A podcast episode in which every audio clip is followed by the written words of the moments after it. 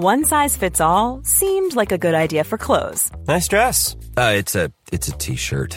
until you tried it on. Same goes for your healthcare. That's why United Healthcare offers a variety of flexible, budget friendly coverage for medical, vision, dental, and more. So, whether you're between jobs, coming off a parent's plan, or even missed open enrollment, you can find the plan that fits you best. Find out more about United Healthcare coverage at uh1.com. That's uh1.com. Hiring for your small business? If you're not looking for professionals on LinkedIn, you're looking in the wrong place. That's like looking for your car keys in a fish tank. LinkedIn helps you hire professionals you can't find anywhere else, even those who aren't actively searching for a new job but might be open to the perfect role. In a given month, over 70% of LinkedIn users don't even visit other leading job sites. So start looking in the right place. With LinkedIn, you can hire professionals like a professional. Post your free job on linkedin.com slash people today. Hallå! Simon Gärdenfors heter jag och snart börjar min podcast Arkivsamtal som klipps av min redaktör Marcus Blomgren. Mycket nöje!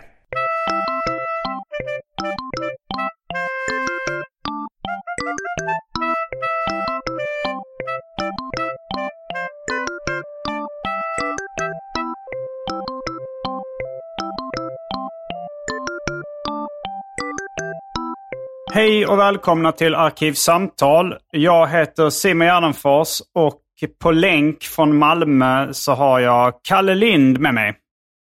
God dag, god dag. God dag, god dag, Stockholm. Hej Malmö! Eh, välkommen till eh, den här podden. Välkommen till storstan. Stort tack för detta. Det lät som ett citat någonstans ifrån. Eh, nej, inte så folk säger. Eh, alltså Välkommen till förr i stor, tid- storstan. Stort tack för detta. Ah, okay. ja, nej, men det är en väldigt, vanlig replik man ofta Mm. hör. Eh, Kalle Lind kanske inte behöver någon närmare presentation. Du är väl riksbekant vid det här laget. Eh, ja, för, för ett litet segment av befolkningen så, så är jag kanske bekant. Folk som lyssnar på P1 eller läser ICA-Kuriren eller eh, ser På spåret ibland. eller lyssna på eh, olika poddar. Just det. Eh, men du är diversarbetare inom kulturbranschen. så står det på mitt visitkort, i den mån Mm. jag hade haft ett visitkort. Mm. Och idag så ska vi prata om crazy-humorn. Ja, och det ska vi dra ett extra på sätet. Crazy humor. Ja, jag eh, gillar att uttala eh, Z med tonande S. Yes, yes, jag är med.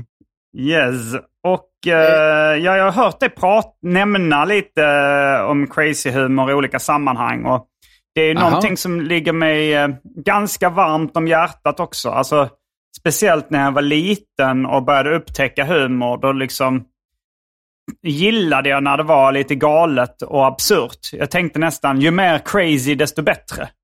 Mm. Och, eh, Det är väl ganska vanligt, eh, alltså det är lite sådär mellanstadiebetingat. Ja, Eh, det är det ju. Man br- brukar gilla de här liksom absurdistiska, roliga historierna om älgar som är ute och flyger och sånt när man är liten. Mm.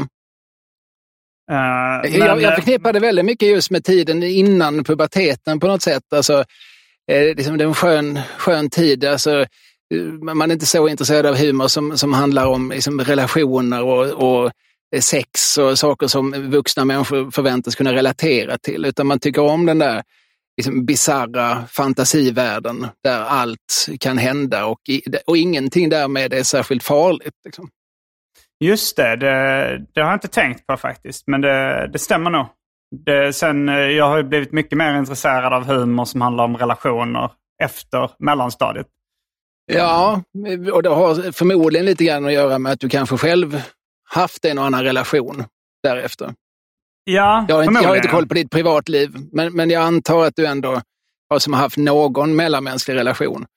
Ja, Och, då, eh, och då plötsligt så kan man relatera till de där sketcherna i Lorry som, som, som handlar om, om par som frusit fast i sin relation och, och om Ja. otrohet och om eh, analsex och så. Alltså, plötsligt så, så blir det där liksom något intressantare och begripligare för en. Jo, det stämmer. Men Lorry Uh, ja, det, jag skulle kanske inte säga Laurie är så tydlig crazy-humor. Nej, tvärtom skulle jag säga. Där fanns inslag av sånt alltså som var mm. tydligt Monty Python-inspirerat. Eh, Peter Dalle som eh, körkortsutfärdare som, som är lite, som lite knäpp. Mm. Eh, men, men överlag så jobbar de ju en helt annan tradition som ju nästan var någon sorts Lars Norén light. Alltså, de utforskade just tvåsamhetens eh, mörka sidor på ett eh, lite komiskt, förhoppningsvis komiskt sätt. Mm. Eh. Ska vi försöka backa bandet och, eh, och ta det tillbaks till crazy-humorns vagga? Uh... ja, kan, kan, kan, kan, du, kan du tidsbestämma det? När, när börjar crazy-humorn? Eller crazy-humorn? Uh, nej, jag, jag, tror det går nog inte att... Det är väldigt svårt uh, att tidsbestämma. Redan de gamla grekerna och så vidare. Uh, mm. Även på stenåldern fanns det nog en del crazy-humor. Men jag har gjort lite slapp research. Mm. och, och liksom en tidig crazy-humor som var eh, dokumenterad var då från 1500-talet när det fanns olika ramsor. Eh, som man kunde relatera då som Hey diddle diddle, the cat and the fiddle, the cow jumped over the moon, the little dog laughed uh, to see such fun and the dish ran away with a spoon. Alltså sådana här nursery rhymes som innehöll en del crazy humor.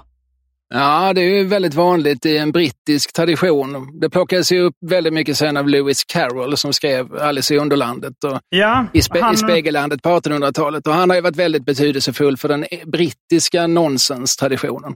Ja, jag läste också om Edward Lear som har skrivit A Book of Nonsense 1846. Är det någon du känner till?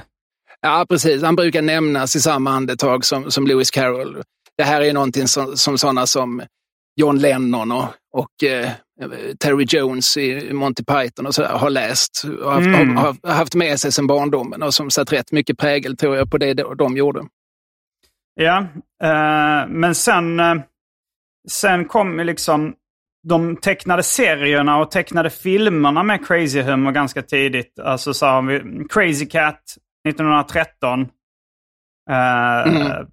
Paul Terry som gjorde Farmer Alfalfa och, och liksom gjorde mycket crazy humor. Och, och eh, Felix the Cat och sånt också innan 20-talet började.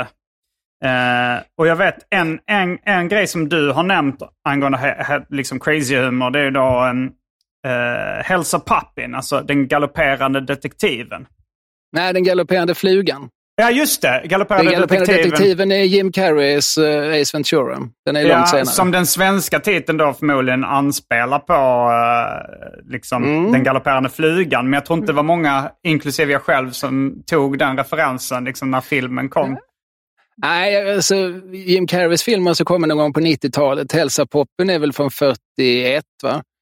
Eh, så ja. att, eh, ja, ja, det var någon Pjäsen, som hade hög tilltro. Broadway-showen är redan från 1938 och filmen är från 41. Ja, jo, men, men den, han tänkte väl, den gubben gissar jag som översatte Jim Carrey-filmen tänkte väl det här är lite crazy humor, precis som den galopperande flugan. Ja, jag, jag, på ett vis gillar jag det. Just att, ja, men det ja, gjorde ju kanske att, att, en del av oss eh, gick och funderade på varför heter den här filmen med ja. Jim Carrey på det här viset? Och så kanske man börjar gräva sig tillbaka. Men det är också ja, att han är pet detective. Tänkte jag alltså att det hade någonting med djur att göra. Att det var liksom galoppera, ha med hästar att göra. Men det var rätt långsökt. Ja, nej, det är ingen särskilt bra eh, titel. Eh, och, och, jag, alltså, och, och, din galopperande fluga, jag vet faktiskt inte varför den fick den titeln på svenska, men det är väl ungefär lika logiskt som att den heter Hälsa-poppen på engelska. Alltså, det är väl någonting ja. som... Men jag började kolla lite, lite på den uh, på YouTube. Och den handlar mm. ju, alltså den börjar ju med scener från helvetet. Uh, så jag antar att det är där namnet kommer från. Hells, alltså Hell is popping eller mm. liksom något liknande. Mm. Uh, ja, men, men, absolut. Men jag har inte sett hela, jag har inte sett hela så jag, det kanske kommer någon galopperande fluga i den senare. Liksom. Har du sett hela? Ja, fast det är, det är decennier sedan jag såg den mm. i sin helhet. Alltså jag var tonåring eh, när jag såg den. Alltså den galopperande flugan är det, det, som du säger, det, är en, eh, det var ju en vaudeville-show som sattes upp eh, på, på Broadway. Det var två danskättlingar, va? Olsen mm. och Johnson, som, som, som gjorde den. Eh, och jag vet ingenting annat de har gjort, utan det, det, det här var liksom deras bidrag till, till humorhistorien. Det, det mm. blev en, en stor succé på Broadway och sen så gjordes det en, en filmversion. Som också blev en succé? Ja, och den filmversionen kommer att ha ganska stor betydelse för en svensk tradition. Mm. För den såg, den såg liksom Povel Ramel och den ja. såg också ett gäng som är kanske med viss rätt bortglömda idag, men, men det så kallade Casinogänget så, som, var, som fanns runt en teater som hette Casinoteatern som låg i det numera rivna, eh, alltså de, det här som heter Klara-kvarteren, alltså kvarteren mellan eh, centralstationen och eh, Sergels torg ungefär. Där inne låg någonting som heter Bryggargatan och där låg en liten teater som hette Casinoteatern.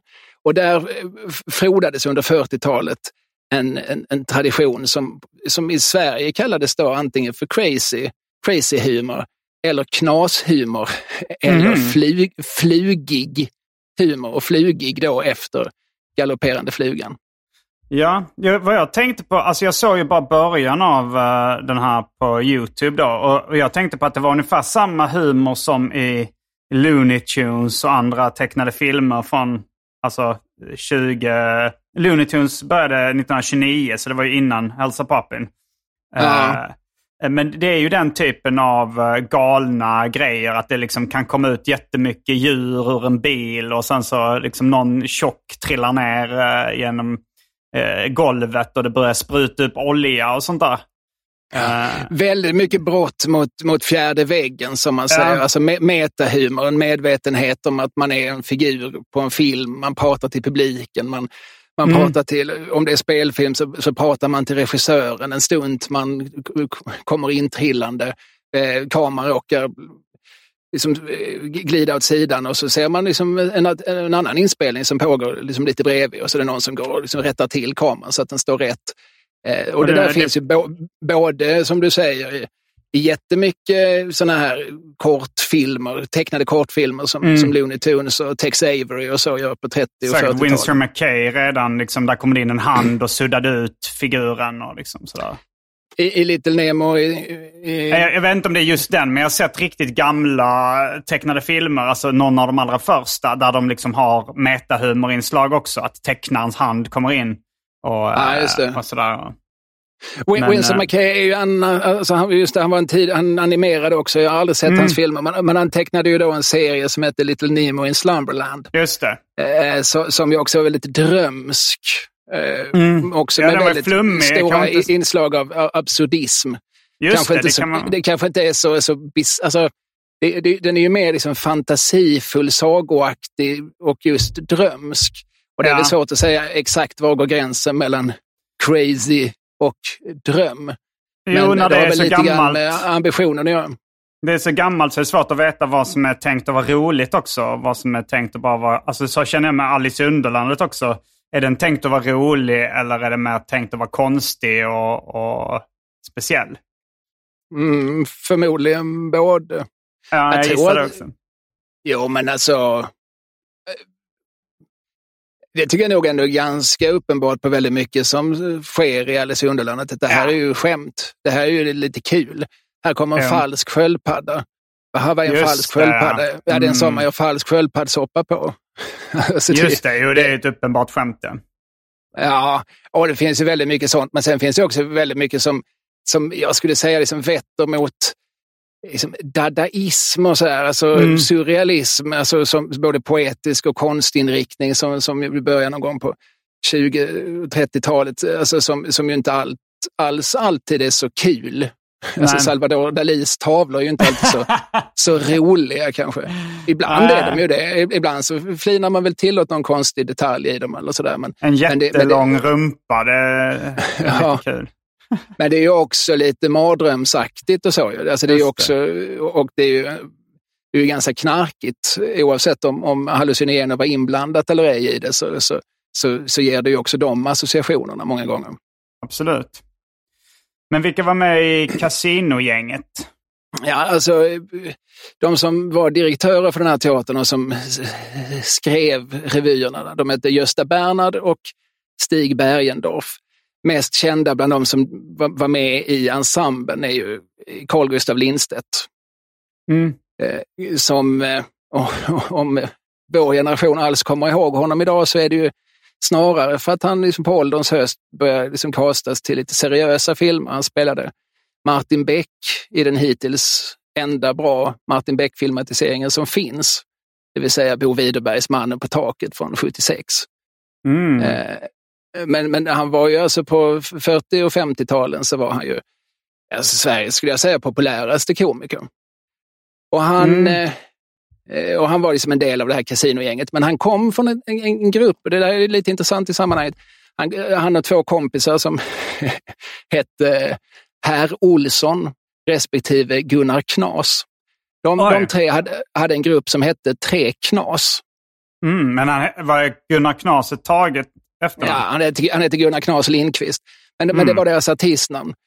Eh, Herr Olsson, han heter Nils Olsson egentligen. Men, och, sen, och han ersatte sig med en kille som hette Kurt Åström, men som allmänt kallades för Minimal Åström. Det var ju som hans, ja, det var i Mm. princip hans artistnamn. Och Tre Knas, de gjorde, eh, alltså det här med tre är lite intressant för det går ju igen, till exempel Free Stooges. Mm. Som, som, som, som är också liksom en amerikansk eh, Bröderna Marx. Eh, Bröderna Marx kom ju att bli tre med tiden. Men, Ja, men Free har, har du någon relation till Free Stooges? Eh, nej, det är alltså mest eh, som referens i annan populärkultur. För det verkar inte ha liksom kommit till Sverige så mycket. Av Eh. outgrundlig anledning blev det aldrig Mm. stort här. Alltså det Men jag, så, jag liksom läste om det i Robert Crumb-serier och sånt där. Så det var kanske första gången jag eh, hörde talas om dem. Eh, Ja, när jag var... Min, min fru bodde i USA ett halvår 2001 och jag kom ner där och hängde några veckor. Och det gick hon fortfarande i skolan om dagarna så då, hade jag, då fick jag liksom sätta mig och titta på amerikansk tv i åtta timmars block. Mm. Det var kanske min största stund i livet dittills. Och då visade de ju jättemycket Free Stooges dagtid Mm. tillsammans med, med alla sådana här gamla sitcoms och sånt här som man också har hört refereras till men som man aldrig sett i Sverige. Som Beverly Hillbillies Gilligan's, och- Gilligan's Island och... Precis. Um, Flintstones och, och sådär. Ja, ja, Flintstones har jag väl i sig sett. Ja, men det gick inte så hemskt mycket när vi var små. Va? Det var framförallt svenskt, alltså på 60-talet man visade familjen Flinta Mm. på Sverige. Men jag hade ju Men, läst serietidningen och så. Men hur som helst, Free Stooges, Stooges, är de före äh, Bröderna Marx? nej, de är nog snarare parallellt. Bröderna fanns- Marx är också rätt mycket crazy humor. Absolut. Men Free Studios tycker jag är spännande. För, alltså, det, det, jag tyckte det var, det var jävligt roligt. Jag, jag, jag skrockade gott. Det är väldigt fysiskt. Det är väldigt mycket att de slår varann. Att de, blir, att de blir arga på varandra och så drämmer de till varandra med, sådär med knuten näve uppifrån. Och, Mm. Akrobathumor, men, men väldigt virtuosa slapstick-nummer. Och, så. och det, det var lite lustigt varför de och Abbott och Costello blev aldrig så stora i Sverige. Abbott och Costello visades här men, men fick inte riktigt det genomslaget. Free Studios tror jag knappt fick svensk distribution. Kanske ansågs det vara för våldsamt. Mhm. Eh, Men å andra sidan, Helan och halvan blev ju jättestora i Sverige och det, det är ju också väldigt drivet av en förstörelselust att man pajar grejer. Och eh, det händer väl även att Oliver klipper till Stan i Helan och halvan, vill jag minnas. Absolut. Eh, Men, men hur som helst, tre knas. Och jag, ty jag tycker just det här med knas, det, liksom, det var ett signalord på 40-talet. Det var, det var liksom hippt att vara Mm. knasig. att, eh, och sen så samtidigt, eh, samtidigt som Casino då gör sina revyer eh, i Klarakvarteren så, så sitter en ung Och de var knasiga, deras revyer. Liksom. Ja, men de sysslar med, med, med knashumor eller crazy humor. Det var väldigt snabb humor. Mm. Eh, det, mest, alltså det mest kända, det mest typiska kasinonumret är ju det här när Gösta Bernhard kommer fram för att prata med publiken. Han ska liksom börja liksom med monolog och så blir han hela tiden avbruten. Folk Mm. kommer in springande. Någon kommer in med en tom galge. Eh, vad är det du har där? Ja, det är kejsarens nya kläder. Och så springer man ut. ja. någon, någon kommer in med, sen kommer han tillbaka med galgen. Vad, vad kommer du nu med? Galghumor. Och så springer man Ah, ut. ja, ja. Mm. Och, sen så kommer någon in med ett bandage på foten. Aj, aj, aj, aj, jag har slagit mig i huvudet. Ja, men bandaget sitter ju på foten. Oj, då har det trillat ner. Och så ut. och så, så bara händer det saker liksom i, i, ett, i ett högt tempo. Eh, Jag och, tänker på uh, Svullos, eller jag menar Micke Dubo- Dubois Captain Freak. När man ser Mm. tidigare när han liksom snabba, korta, mycket ordvitsar. Och, påminner väldigt mycket om det Casino gjorde. Jag tror till och med Mm. att han hade sett, jag tror jag har läst att han hade sett det där. Det, sågs, Mm. alltså, det visades ju ibland på, på svensk tv på, på 70 80-talet. Casino fanns nämligen kvar ända fram till, till 81. När startade de sa du? Ja, de startade nog 40, 41. Okej. Och eh, sen så rivs den där teatern och sådär och de skingras lite. Men på 70-talet så gör de liksom en comeback, det här kasinogänget och spelar på Intiman och, och Berns i Stockholm. Och det, skulle, det var sådär, 73 skulle de bara göra liksom en, en comeback. Det skulle vara liksom några månader, men det varade i åtta år. För Det blev liksom en jättesuccé. Okej, fortfarande då? Ja.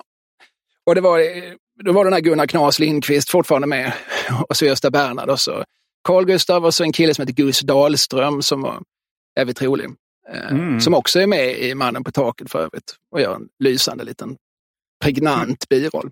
Är det några från Casino-gänget som har gjort uh, uh, någon, av de här- någon, alltså de här sketcherna som eh, är kända på tv sen när de spelar något spel? Och, eller är det något annat gäng? Nej, du, jag- gissar att du syftar på Skattkammarön. Ja, det- det när tänker jag på. Tvi, tvi, tvi. Vem fan är Nisse Hult? Den visades Ja. jätteofta på tv, även på 80-talet. Och även det Ja, här, den- den kom- eh, kom jag har aldrig varit i. Sverige. En gång var jag där två gånger. Ja, det är två olika sketcher. Men, men okay. skattkam Jo, jo, jo. skattkammare... Jo, men det är från olika sammanhang.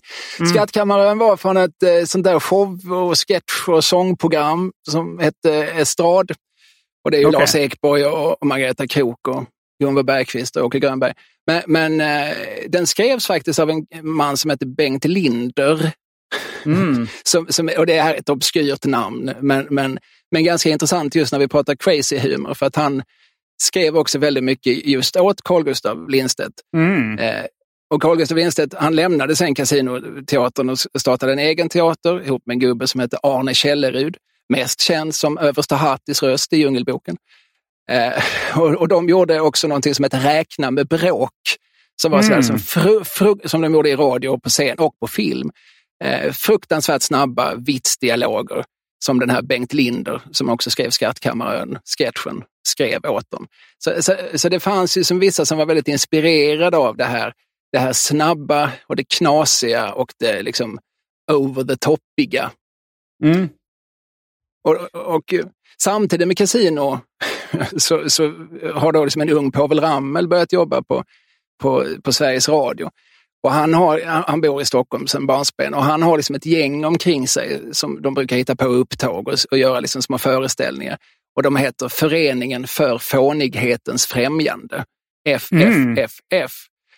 Och när de vill göra radio av detta så säger Det var inte flygigheten?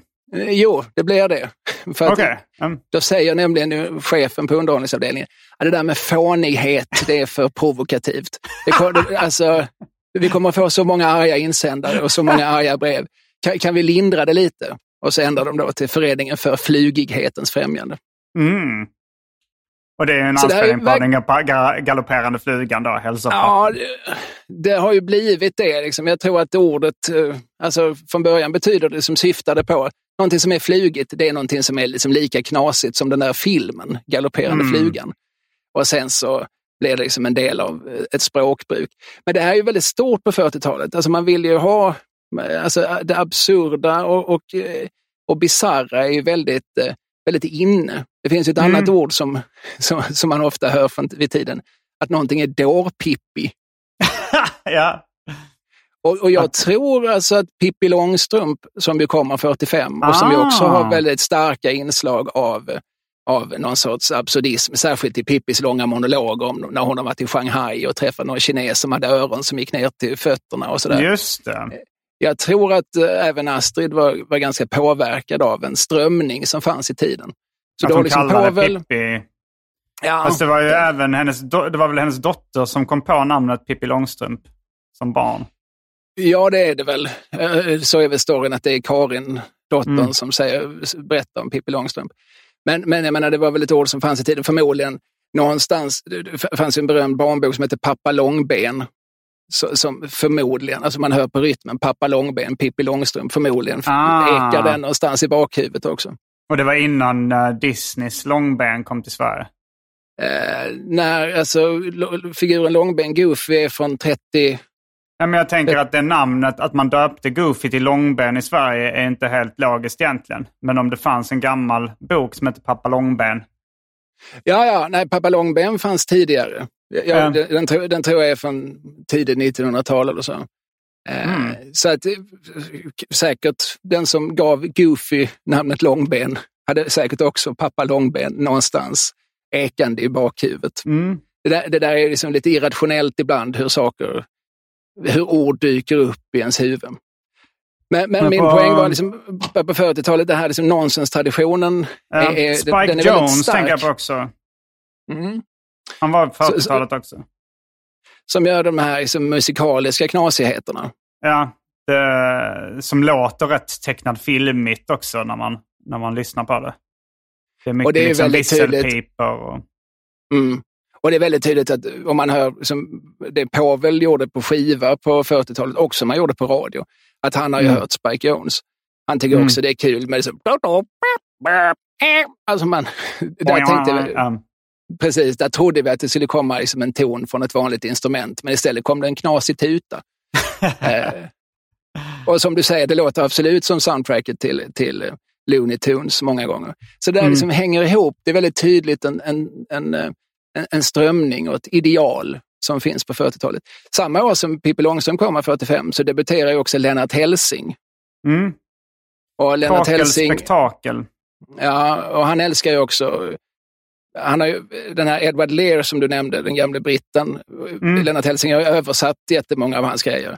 Och han mm. har översatt väldigt många sådana här brittiska nursery rhymes. Humpty Dumpty och, eh, och mm. sånt där. Och, och eh, väldigt mycket av det han gör, det är ju just det, Dinkelidunkelidojja heter en död papegoja. Dinkelidunk heter en munk som bor i en pepparkakskoja. Betyder ju ingenting. Det är bara trams, det är bara ord. Det är bara, det är bara härligt att säga. Just det, det är crazy humor. Uh, nej, men honom gillade jag när jag var liten också. Och även, uh, jag läste även Katten i hatten och, och alltså Eh, Dr. Dr. Seuss, var väl mm. Också, han kanske kom senare han sa. Jag, jag, vet faktiskt inte. Han, han är väl mest känd för Grinchen. Uh, ja, Katten i var... hatten och... Katten i hatten var det jag, alltså den boken jag hade översatt av Lennart Hellsing. Som jag läste när jag var barn jättestort i USA, inte lika rotat här. Det fanns på Nej. svenska, men, men, det är inte på samma sätt som en självklar del av vår tradition. Green Eggs and Ham och sånt, är väldigt, det hör man ju liksom refereras till hela tiden i USA. Det är en, mm. en uh, Dr. Seuss-bok. Men han är, det är också en, en stapelvara inom crazy-humorn.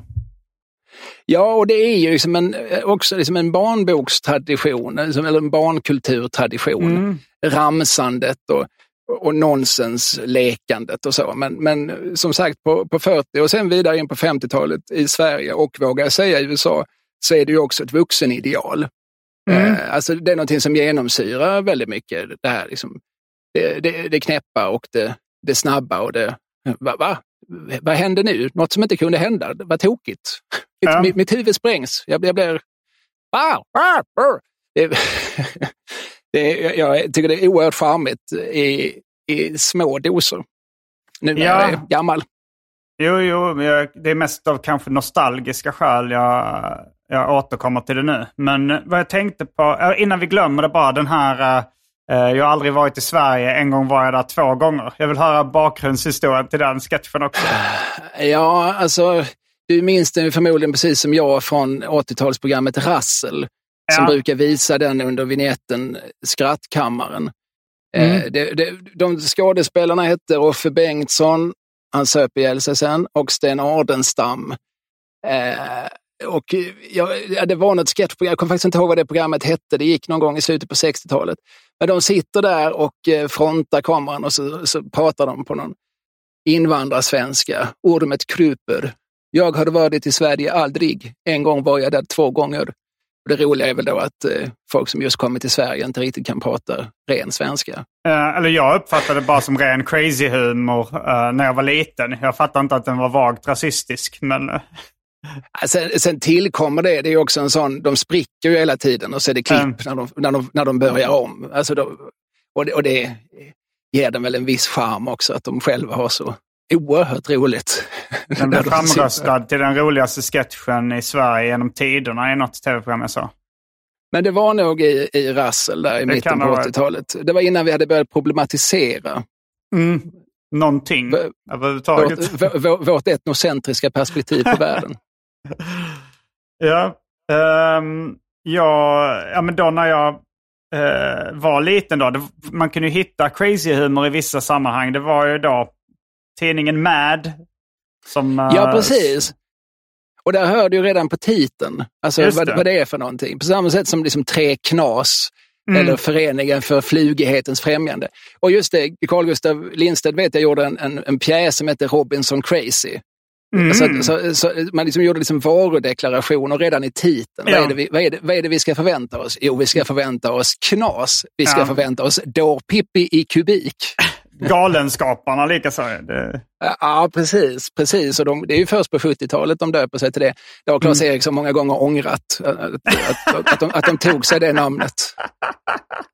Ja, det har han varit helt eh, öppen med, att det är ett. Det visste jag faktiskt inte.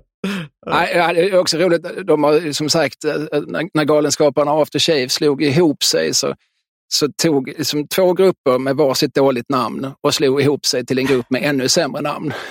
Ja. Eh, det, uh, men det gick ju, alltså en himla många program gick ju på tv då på 80-talet och man kunde ju även se Alltså, jag vet inte om jag skulle räkna Kurt Olsson som crazy humor. Det är mer liksom buskis-tradition kanske. Ja, alltså vi, vi, skulle kunna definiera crazy humor och nu har vi pratat ganska länge utan att göra det. Mm. Men vad menar du när du säger crazy humor? Uh, nej, jag menar väl att absurdistiskt, uh, det är mycket non, kallas det non-sequitörs. Mm. Uh, alltså saker som uh, in, man säger någonting som inte har med saken att göra. Som, mm. inte, som inte associeras till det som sägs innan. Det är... Ja men det är väl Precis, det är också trams, galet och larvigt. Alltså, ja, nonsens, att det makes nonsense. Ja. Mm. Uh, men att det är tramsigt, galet och absurdistiskt. Ja, precis. Alltså, det har liksom sin egen logik eller icke-logik på något sätt. Mm. Bisarrt eh, kan man också säga.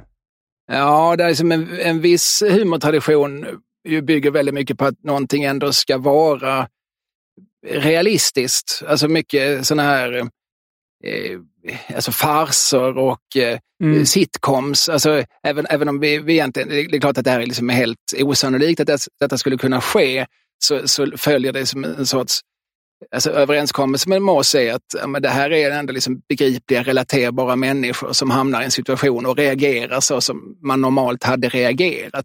Och det är mm. inte så att, att eh, liksom en, en vägg plötsligt kommer att sprängas eller att ett hål dyker upp i köksgolvet och, och det börjar spruta olja, utan det är, det är liksom en, någon sorts realism. Mm. Och i, i, i crazy humorn så, så, så är det överenskommelsen att här kan allting hända.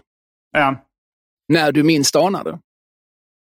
Alltså om man tänker Solsidan är inte crazy humor, men uh, Family Guy är crazy humor, ska jag säga. Mm. Ja, men då är jag med på. Då är, mm. Absolut. Ja, för det är mer liksom crazy humor. Jag vet inte om... Alltså nu, nu nämnde jag ju själv några exempel på saker som ju, som ju själva har varudeklarerat sig som, mm. som crazy eller knas eller mad eller flugigt. Men, men um. Eh, eller nonsens för den delen, eh, som Edward Lear. Men, men ehm, alltså, ja, det är klart att det är en tradition, men det är sällan man ska jag säga, alltså det är någonting med genreindelning här, som crazy humor. Ja, det är väl... Jag, jag, känner igen det när jag ser det, men jag kan mm. inte riktigt... Cool fact a crocodile can't stick out its tongue. Also, you can get health insurance for a month or just under a year in some states. United Healthcare short term insurance plans, underwritten by Golden Rule Insurance Company, offer flexible, budget friendly coverage for you. Learn more at uh1.com. This is Paige, the co host of Giggly Squad, and I want to tell you about a company that I've been loving Olive and June. Olive and June gives you everything that you need for a salon quality manicure in one box. And if you break it down, it really comes out to $2 a manicure, which is absolutely insane. It's also so easy to get salon worthy nails at home with Olive and June. The difference between how your nails used to look when you did them yourself and now with the Manny system is a complete game changer. The best thing about Olive and June too is it's a quick dry, dries in about one minute, lasts for five days, and full coverage in up to one to two coats. Visit oliveandjune.com slash perfectmanny20 for 20% off your first system. That's oliveandjune.com slash perfectmanny20 for 20% off your first system. There's never been a faster or easier way to start your weight loss journey than with PlushCare. PlushCare accepts most insurance plans and gives you online access to board-certified physicians who can prescribe FDA-approved weight loss medications like Wigovi and Zepbound for those who qualify. Take charge of your health and speak with a board-certified physician about a weight loss plan that's right for you. Get started today at plushcare.com slash weight loss. That's plushcare.com slash weight loss. plushcare.com slash weight loss. Alltså gränser, gränserna är ju inte helt tydliga mellan crazy humor och annan humor. Nej. Stockholm, Båstad, Varberg och Kristianstad. I sommar så kör jag en del stand-up med bland annat Anton Magnusson, Fredrik Andersson, K. Svensson, Petrina Solange och Magnus Bettner. Biljetter och datum till dessa gig hittar ni på gardenfors.com. Nu har det blivit dags för det omåttligt populära inslaget Välj drycken.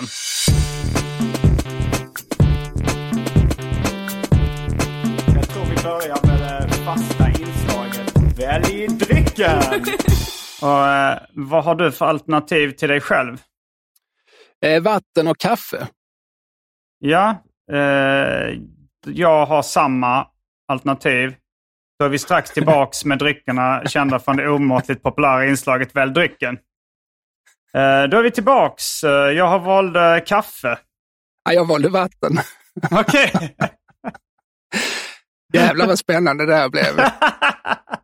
Jag tyckte den drycken var ett, rätt, var ett rätt tråkigt inslag första gången jag hörde det. Nu när jag har hört det hundra gånger så tycker jag det är ännu tråkigare. Så jag tyckte det var föredömligt snabbt överstökat den här gången.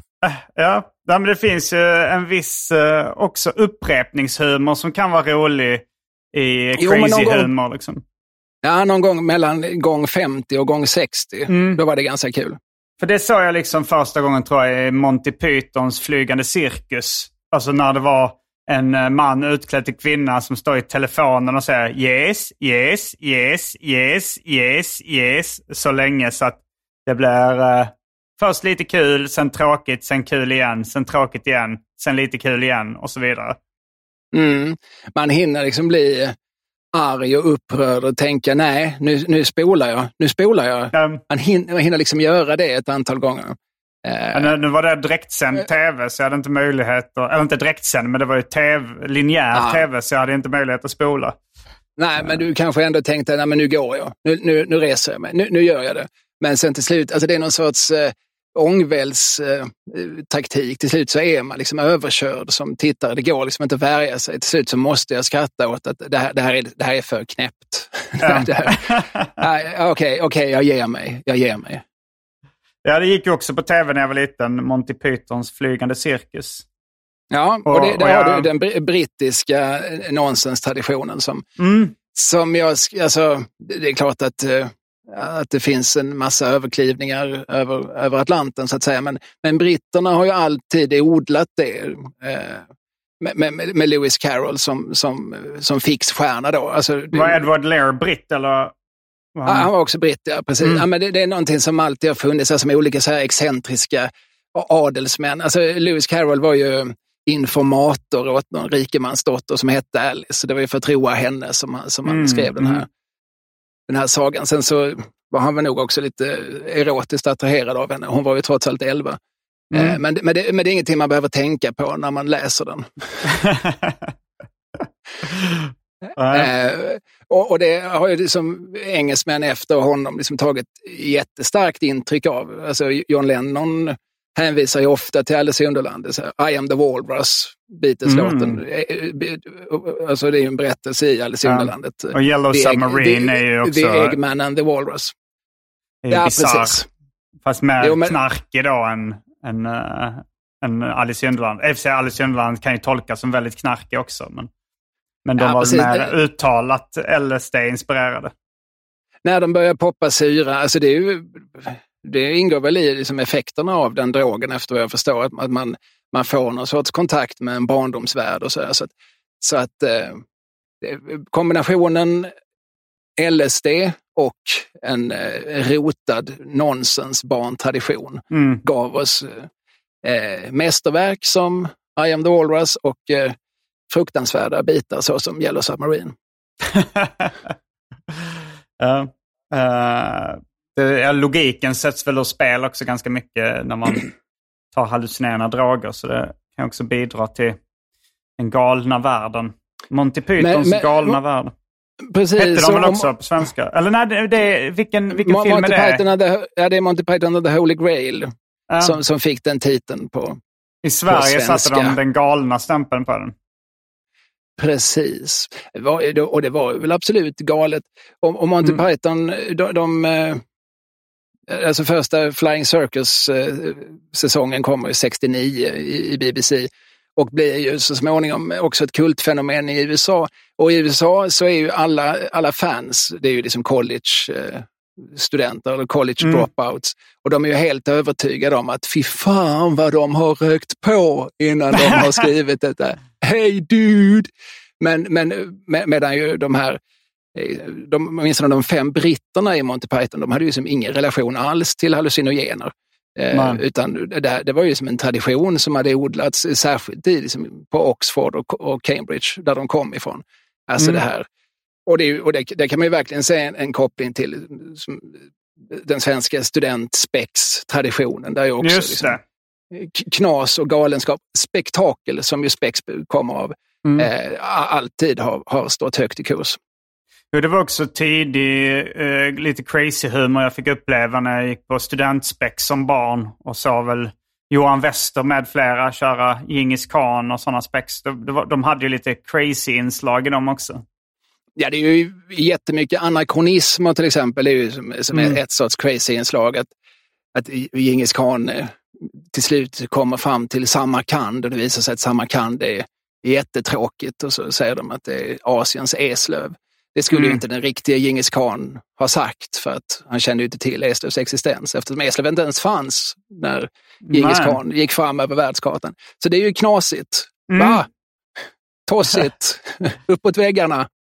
Eh, Upp, jag är lite uppåt förvånad. väggarna för övrigt. Kommer du, kommer du ihåg den serien? Nej, eller jag kommer ihåg titeln. Alltså det är någonting jag kanske sett i Sydsvenskans tv-del. Liksom, uppåt väggarna. Men jag kommer inte ihåg Ja. vad det var för någonting. Är du född 78? Ja. Ja, det kanske gick 80, 81 någonting. Ja, det var Stellan Sundahl och eh, Gunnar Bernstrup. Det var deras första tv-serie. Mhm. Stellan Sundahl som sen var med och gjorde Helt apropå som var liksom, Ja. hjär- hjärnan i Helt apropå och som ju också kom väldigt mycket från Spex-traditionen. Men Mm. just den titeln Uppåt väggarna, det är ju i samma anda som, som att döpa en tidning till Mad. Ja. Alltså, okej, vad är det vi kommer att få? Ja, vi kommer att få någonting som är uppåt väggarna. Jag undrar om pang i bygget är en anspelning på att det är knasigt också. Ja, det är ju... Alltså, Alltså, jag- alltså, det är ju en li- liten vits tror jag någon har haft i bakhuvudet. För att pang är ju ett gammalt eh, slangord för pensionat på svenska. Jaha. Saskia har ett namn med klang. Hon jobbar på ett pilsner pang, sjunger Cornelis. Ah. Eh, så att jag tror att någonstans att det där uttrycket, eh, att eh, den som döpte Fawlty Towers till pang i bygget hade med sig det. Det Men jag tror det gissning. var ett uttryck också, alltså, som jag hörde när jag var Pang i liten. bygget, På- ja. Ja, Ja, dag, alltså, Alltså- när någonting trillade ner, om, om någon råkade Ja, ja. välta En, eh, en krukväxt så sa man pang i bygget. Tjong i medaljongen. Ja, men det, det. Ja, absolut, det är ett stående, eh, stående uttryck. Och det finns en, eh, någon 50 eller 60-tals komedi, svensk, som också heter Pang i bygget. Mm. Så att, så att titeln, eh, det uttrycket var absolut etablerat. Och långt där, den ska jag nog inte säga var så crazy. Den, den var liksom ingen... Nej, tvärtom. Eh, Alltså, den följer ju verkligen liksom logikens och någon sorts inre realisms ramar. Och det var ju John Mm. Cleese, eh, alltså det var ju det. Han kände sig väldigt fångad i Monty Pythons eh, knasighet. Han var inte alls lika Mm. road av det, av det surrealistiska som framförallt Terry Jones och Michael Palin var, utan han ville ju han är ju en, väldigt anal personlighet. han, han ville Mm. liksom följa dramaturgins grundprinciper. Tidens, rummets och handlingens enhet. Och, eh, och det skulle vara logiskt och det skulle vara liksom rationellt uppbyggt. Det kan man se redan på många sketcher som han skrev åt, åt, åt, åt Python, att de drar liksom mer åt det hållet Mm. än, än, åt, än åt det där wow! Men det är intressant att Eh. han känner sig fångad i det totalt fria då. Att, eh, Mm. att Ja, eh, men han får det- göra det exakt vad han vill och då känner han sig fångad i det och vill ha egentligen mer striktare ramar. Att det ska följa någon form av realism eller trovärdighet. Ja, men det är ju en läggningssak såklart, men, men, men eh, många skulle ju säga, alltså jag tror inte han är den första som konstaterat att man lätt når vägs ände. För när allting kan hända, då kan man ju inte längre överraska. Alltså när man väl har, har lärt publiken det att allting kan hända, då börjar ju publiken ställa ganska höga krav på vad som ska hända. Eh, och det blir ju rätt sätt. tråkigt om man försöker se en hel DVD-box med Monty Pythons flygande cirkus. Eh, Mm. det, finns, eh, det finns ett Family Guy-inslag där de, där de leker med den gamla tropen att uh, tortera någon genom att utsätta dem för något populärkulturellt fenomen. Och då så säger de eh, vi ska tortera honom genom att visa alla eh, Monty Pythons Flying Circus-sketcher. Och inte bara de sju stycken som är roliga på riktigt och har blivit klassiker och som alla minns, utan alla. och jag kommer ihåg Ja. när, det, när det gick på ZTV, Monty Pythons Flying Circus i repris. Då var det ganska plågsamt att försöka ta sig igenom he, hela serien. Liksom. Mm. Ja, men det finns väldigt långa visuella sekvenser. Antingen eh, Terry Gilliams animationer som ju bitvis är liksom oerhört eh, tråkiga och meningslösa. Ibland lite kul för att han gör roliga ljudeffekter och så. Men, men, men, men även mycket av det som Michael Palin och Terry Jones gjorde. Sånt där, liksom, man liksom har långa svepningar över någon engelsk hed. Och sen till slut så, så, så är det något får som sprängs. Men det, det ska liksom gärna, det ska gärna liksom ta lite för lång tid och vara lite Ja. tjatigt och lite... De vill plåga Eh. sitt offer lite. Men det är just det ordet du nämnde, meningslöst. Det är ju liksom crazy-humorns både styrka och svaghet skulle jag säga. Att det är Absolut. det som kan vara det roliga, men det kanske är också det som gör att man kan bli lite mätt på det i längden. Parallellt med, med Flying Circus, det här är ett exempel som jag ofta tar upp, för jag är lite fascinerad av det. Alltså de här sex som blev Monty Python, de, Mm. det, var ju, det var ju som gamla eh, college-studenter som sen hamnat på BBC och börjat liksom göra var gagwriters och sen fått göra lite barnprogram och de hade gjort några sketchserier var för sig och runt omkring i olika konstellationer. Och ungefär samtidigt som Monty Pythons Flying Circus började så började ett program som heter The Goodies. Det går på Godisarna. På svensk tv heter det Godisarna. Och det är ju tre andra killar, Tim Brooke Taylor, och Bill Oddie och Graham Garden, som, som är kompisar med Monty Python. Alltså då, Mm. John, Cleese och, John Cleese och Graham Chapman från Monty Python, Tim Brooke Taylor från The Goodies och Marty Feldman. De gjorde ju en Mm. serie som heter At Last a 1948 Show som kommer året innan Flying Circus till exempel. Marty Feldman eh, känner jag mest igen från eh, Crazy, som har gjort ett eget avsnitt eh, om eh, Mel Brooks. Mel Brooks, ja. Hans filmer. Ja, men han flyttade till USA sen och, Mm. och var, var ju med Det våras för Frankenstein och Det våras för stumfilmen. Mel Brooks kan man för övrigt också nämna. Han har ju också mycket starka, alltså Blazing Saddles, Det våras för sheriffen, där är ju jättemycket metainslag och så. Att de Jo, jo, trillar, är trillar in på, på en grannsättet. crazy så. kung. Ja. Men, men, men The Goodies i alla fall, alltså medan de här serierna går så, så konkurrerar de ganska mycket med varandra. Jag tror att en, en, eh, en brittisk eh, me- mellanstadieunge 1971, att han lite grann definierar sig, är jag mer en Monty Python-kille eller är jag mer en The Goodies-kille? Mm. Eh, The, The Goodies gjorde bättre ifrån sig i Montreux, där den stora tv-humorfestivalen hölls varje år. Mm. De, vann, de vann Silverrosen där. Jag tror aldrig Flying Circus vann någonting. Eh, och de, och de, var, de betraktades som ungefär jämbördiga. Och eh, man, man, många sa att The Goodies, eh, eller så här, Pythons toppar var högre, men deras Mm. dalar var betydligt lägre. Okej. Det kan man tycka vad man vill om. sett, uh, Men det godisarna. intressanta är, att godisarna är ju helt bortglömda. Medan Mm. Monty Python sålde ut 10, vad heter det, O1, den här jättelika arenan. För, för, när de firade något jubileum för några år sedan. Men vi har inte Så- nämnt eh, The Goon Show som var väl förlaga till båda dem. Ja, precis. Alltså, Det är ju ett 50-talsfenomen i, i Storbritannien. Eh, hjärnan bakom det heter Spike Milligan och den, eh, den som var roligast av dem, han hette Peter Sellers och blev ju sen ja, ins- Inspector Clouseau. Och så, alltså han var ju stor filmstjärna på 60 och 70-talen. Mm. Eh, Alltså, eh, vad, vad heter de? Det, Åh, vilket party och Rosa Pantern. Kända Mm. filmer han varit med i. Precis, Rosa Panther var ju en hel svit där han spelade ins- Inspector Clouseau då, som var en, en eh, franskbrytande och enfaldig och väldigt klantig eh, utredare, polis. Mm. Eh, och Peter Sellers var en del av The Goon Show ja. och det var ett, ett, radioprogram som var, alltså det är ju jätteprilligt. Alltså det, det, är ju, alltså det är så knäppt, allting händer och eh, de pratar med konstiga röster och det, är- det är som någon sorts handlingar, små intriger som tar sig som helt bisarra eh, avvägar hit och dit och, eh, och sådär. Och detta satt ju, liksom, de, de som sen blev Monty Python och The Goodies klistrade vid Mm. radioapparaterna och lyssnade på. Gjorde de aldrig tv då? Spike eh, Milligan och... Ja, vad hette det då? Eh, Q5, tror jag. Spike Milligan gjorde i slutet på 70-talet eh, som, eh, som är liksom väl så knäppt och, och crazy som både Flying Circus och The Goodies. Tommy Cooper senare, om vi nu pratar om uh, bisarra britter. Ja, jag kan inte riktigt Tommy Coopers story, eh, men jag tror att han var väl, som, han kom ju från scenen. Han, alltså I England har de ju den här, alltså Blackpool och så här, så de har en sorts music hall-tradition. Alltså, Mm. eh, man samlas på pubbar, dricker rätt så många pints och så, så skrattar man åt, åt någon som, eh, som gör vad vi absolut skulle stämpla som, som dålig buskis. Eh, men en del av dem var ju begåvade. Benny Hill kom från den traditionen. Ja, och, ja, eh, ja. Jo, och, det Tom, och Tommy också- Cooper. Också Benny Hill är betydligt mer begåvad än sitt rykte. Idag så minns, minns man honom så minns man honom bara som gubbsjuk.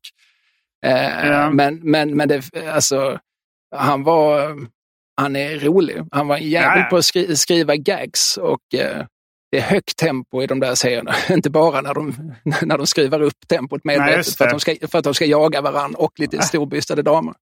Ja, det är mycket. De gömmer sig bakom en buske och, buske och kastar upp kläder och sen kommer han och slår en flintskallig gubbe i huvudet.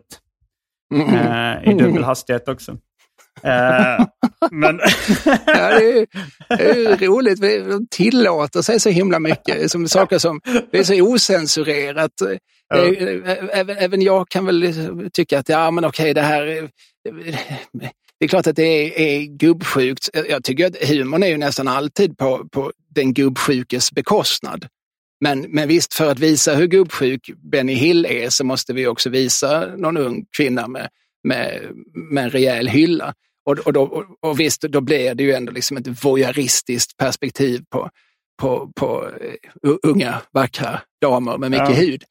Jag är Men- inte säker på men- att det var exakt så de resonerade. Så, hur ska vi nu eh, driva med den här gubbsjuke mannen? Vi måste ta in lättklädda kvinnor här. I... Nej, men så, så tänker man ju aldrig. Alltså, så, så, så tror jag inte att folk som gjorde humor överhuvudtaget tänkte Nej, nej.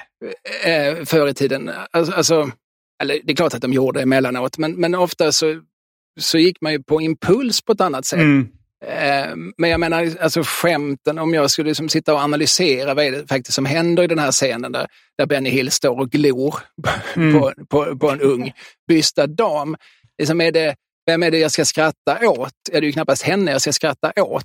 Det är ju Nej. inte Benny Hills avsikt. För henne ska jag ju tvärtom eh, njuta av åsynen av. Och, det, och visst, där kommer ju gubbsjukan in. Men, men, Mm. men, men, men skämtet är ju alltid på, på fluktarens bekostnad. Um, Alltså, så, det är inte, så jag menar, det finns en viss komplexitet i det, det är det jag säger. Eh, sen är det såklart liksom unket och, och gammalt och mossigt. På, det blev väl de till och flesta punkter. med cancelled eh, i svensk tv eh, på, redan på 80-talet. Ja, alltså det visades ju och var jävligt populärt på 80-talet. Det var någonting sånt som många pappor, precis som pappor gärna ville titta på Solstrålarna som egentligen var ett barnprogram, så ville Mm. de gärna titta på Benny Hill som egentligen var ett väldigt tramsigt eh, humorprogram. Och det Frågan kan om det var haft att göra crazy med- humor. Ja, men bitvis är det, är det Mm. verkligen crazy. Det, alltså, det är mycket metaskämt och så i Benny Hills Ja, värld. och det är Mycket- lite, alltså lite så när han sitter i den här soffan i skinnpaj och det knarrar väldigt mycket. Det är liksom ganska, Ja, det, den är ganska rolig. galet. Ja. Ja. ja, men eh, det, det finns någonting som jag, som jag tycker om i allt det här som vi, som vi rubricerar som crazy humor. Ja, ja, jo, jag Eh, det, det, det är ju alltså så... Det är liksom gränslöst. Det finns någonting liksom befriande i det. Man tillåter sig att följa varje association hela vägen. Eh, Mm. liksom, varför inte? Men, eh, va- varför skulle du inte kunna liksom, dyka upp ett hål här i golvet och så kan det börja spruta olja? Varför inte? Det, det, är, väl, det, är, det är ju roligt, det är ju knäppt, det är knasigt. Ja. Eh, som är väldigt eh, inspirerande kan jag tycka, när man Mm. går på vissa saker. Jag blir glad för, för deras skull, för, för upphovspersonernas skull. Vad roligt de måste ha haft när, när det här har dykt Ja. upp i deras, deras små huvuden. Entusiasmen sprider sig. Ja, exakt. Och, ehm, ja, nej men, eh, och sen, ja, se- sen kom ju också på 80-talet de här uh, Zucker, Abrahams och Zucker-filmerna. Eh, som jag också har eh, älskat väldigt mycket. Och eh, ganska mycket fortfarande gör. Alltså Titta vi flyger eh, och Nakna Den pistolen. pistolen är ju mest kända. Den, den jag tyckte var roligast, den heter Top Secret. Ja, den, det var min favorit också. Ja, ja men de, de, och de gjorde också en tv-serie som heter Police Squad som, som Mm. sen blev Nakna Pistolen-filmerna. Eh, Och där var ju rätt mycket sådana... De, de började som... De gjorde också... De hade något som heter Kentucky Fried Theater. Eh, så de, de började redan på 70, 1971 med det. Så de var rätt eh, liksom tidiga. Och sen blev det också en, en långfilm som hette The Kentucky Fried Movie. Som på, Just det, den på sett. svenska, den fick eh, titeln Hej vi skrattar på svenska. Ja, Eh, något ska ju en film heta, Ja, uppenbarligen. jag, t- jag tänkte de ville följa samma mönster som Titta vi flyger, hej vi skrattar. Eh, men det är mycket då långa sketcher. De är nog rätt Monty Python-inspirerade också. eh, när, man, när man kollar på de sketcherna. Jag, jag har sett Hej vi skrattar flera gånger. Eh, Ja, de är ju parallella med det som heter Groundlings i Chicago. Va? Och det finns... som har improvisationsteater. Ja, precis. Och där hämtade ju sen, eh, nu tappar jag ett namn, jo, Lon Michaels som var liksom demonproducenten bakom Saturday Night Live som Mm. började göras 75. Han hämtar ju sitt cast i väldigt hög grad från de här The Groundlings. Eh, Mm. Så det där, jag tror liksom Dan Aykroyd och John Belushi och så, de kommer ju från det hållet. Gilda Radner och så som är med i de, eh, i de första. Och Bill Murray kommer väl in sen på andra Mm. året. Eh, och, och, eh, och det är ju liksom någon tradition och den har säkert rötterna längre tillbaka. Och jag tror att även sådana här andra 80-talsgubbar, eh, Rick Moranis och John Candy och så, Mm. kommer, Martin Short, jag tror de kommer därifrån, fast de hamnar då inte i SNL utan de hamnar i någon konkurrerande tv-show på någon annan kanal som jag har glömt namnet på. Men som också var ganska stort i början på 80-talet. Var det Fridays eller? Ja, Det kan ha varit Fridays. var en- Nej, Fridays var nog, nej, det var nog aldrig så stort. Det var ju Larry David och, Ja. och eh, eh, Michael, Michael Richards, tror jag. Um, eh, nej, det hette någonting annat som jag nu tappar namnet För det på. fanns ju också de här eh, som vi borde ha nämnt tidigare tycker jag. Med, alltså National Lampoon. Som, som sprang ur Harvard Lampoon som var liksom en, en urgammal studenttidning från kanske 1800-talet eller ännu längre tillbaks. Eh, Mm. Och de gjorde då en tidning som heter National Lampoon. Som var, eh, ja men, Som Mad humortidning. ungefär. Ja, fast inte lika mycket tecknade serier. Nej, Eh. så det var mer som, som Harvey Kurtzmans Help. Ja, fast Help kom ju efter då, National Lampoon. Eh, Ja, ja, nej, men jag säger inte, alltså, det är men- mer, mer, mer för att vi ska ha liksom någon sorts referens. För att alla som det var- lyssnarna vet, ja, ja, Help av Carvey Kurtzman, den har man ju läst. Ja, det, jag gissar att du har tagit upp den tidigare. Men Harvey Kurtzman Ja. var alltså man, mannen som i ganska hög grad skapade både konceptet MAD och sen konceptet HELP. Och Ja. som eh, i, inte fick särskilt många kronor eller dollar från någon av dem tror jag. Nej, Men det var nog det var, rätt mycket eh, hans eget fel. Jag tror att eh, på hans begravning så var det då eh, Mar- Maus-skaparen Art Spiegelman som höll tal. Och han inledde talet och rev ner en del skratt med att säga Will Harvey Kurtzmans economical advisors please leave the room? ja, det är roligt. Och, då, och där måste jag snabbt trycka, trycka på paus för att nu dök en annan association upp i mitt huvud.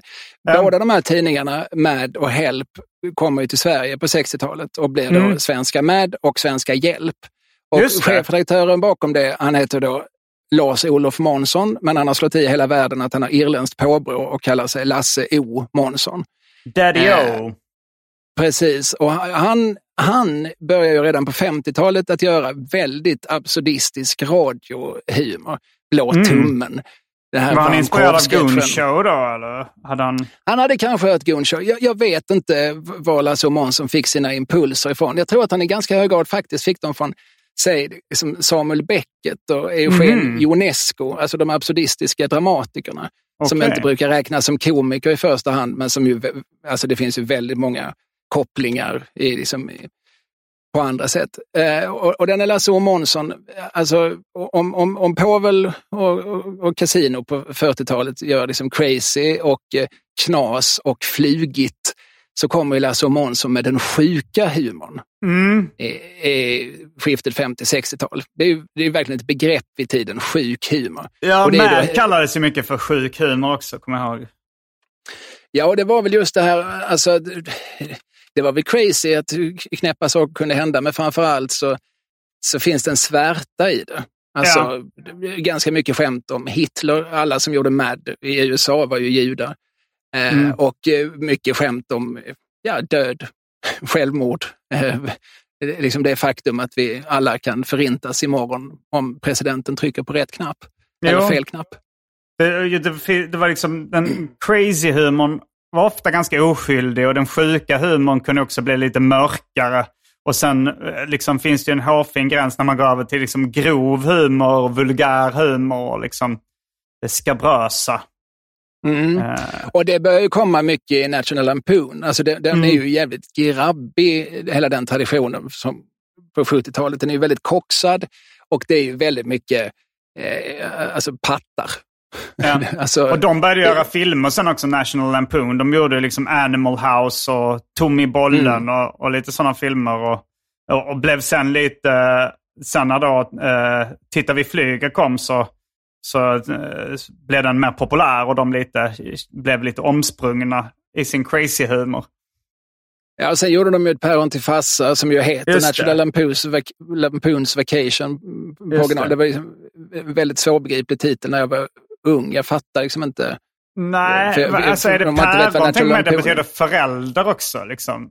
Alltså, ja, mina precis. päron. Uh, ja, en förälder till farsa. Den svenska titeln var ju konstig. Liksom. Men, ja. men det var, alltså, så såg man originaltiteln och, och, och, så blev det inte, som inte på något vis begripligare. Vadå? Nej, Nation, nej. National Lampoon. För om man inte visste att det var en tidning så är det ju varför är han en nat nationell lampoon? ja. Och sa man att någon, ett päron om någon som var dum i huvudet? Liksom? Jag har aldrig riktigt Nej, äh, hört det, men, men det är väl så vi förväntas tolka det. Sen blev det ja. roligt när, när, när det kom uppföljare och det blev så, fick bli så himla långa titlar på svenska. Ett päron till farsa på semester i Europa. det, är ingen, det är ingen klatschig titel. men äh, ska vi ta en liten paus äh, och avsluta det ordinarie avsnittet? För vi har lite mer äh, kvar att säga om crazy humor. Uh, så eh, eh, är, du, är du med och spelar in lite Patreon-exklusivt material? Ja, jag ska på familjeterapi, men det, jag, jag hinner en stund till. Okej. Okay. Det här är familjeterapi. Ja. Eh, då, eh, då tackar vi Betydligt alla lyssnare billigare för... än den riktiga familjeterapin. då tackar vi lyssnarna för att ni lyssnar på detta ordinarie avsnitt av Arkivsamtal. Varje vecka så släpper jag ett Patreon-exklusivt avsnitt av den här podden för alla er som donerar en valfri slant på patreon.com arkivsamtal. Patreon.com arkivsamtal alltså. Det finns uh, ungefär 100 bonusavsnitt som ni får tillgång till så det blir mycket skoj för valfri slant. Glöm inte att också följa mig på sociala medier som till exempel Instagram. Där heter jag atgardenfors. All denna info finns även i avsnittsbeskrivningen. Eh, jag heter Simon Gärdenfors. Ja, det gör du. Ja, jag heter Kalle Lende. Ja, just det. Kalle Lende heter jag. Fullbordat samtal.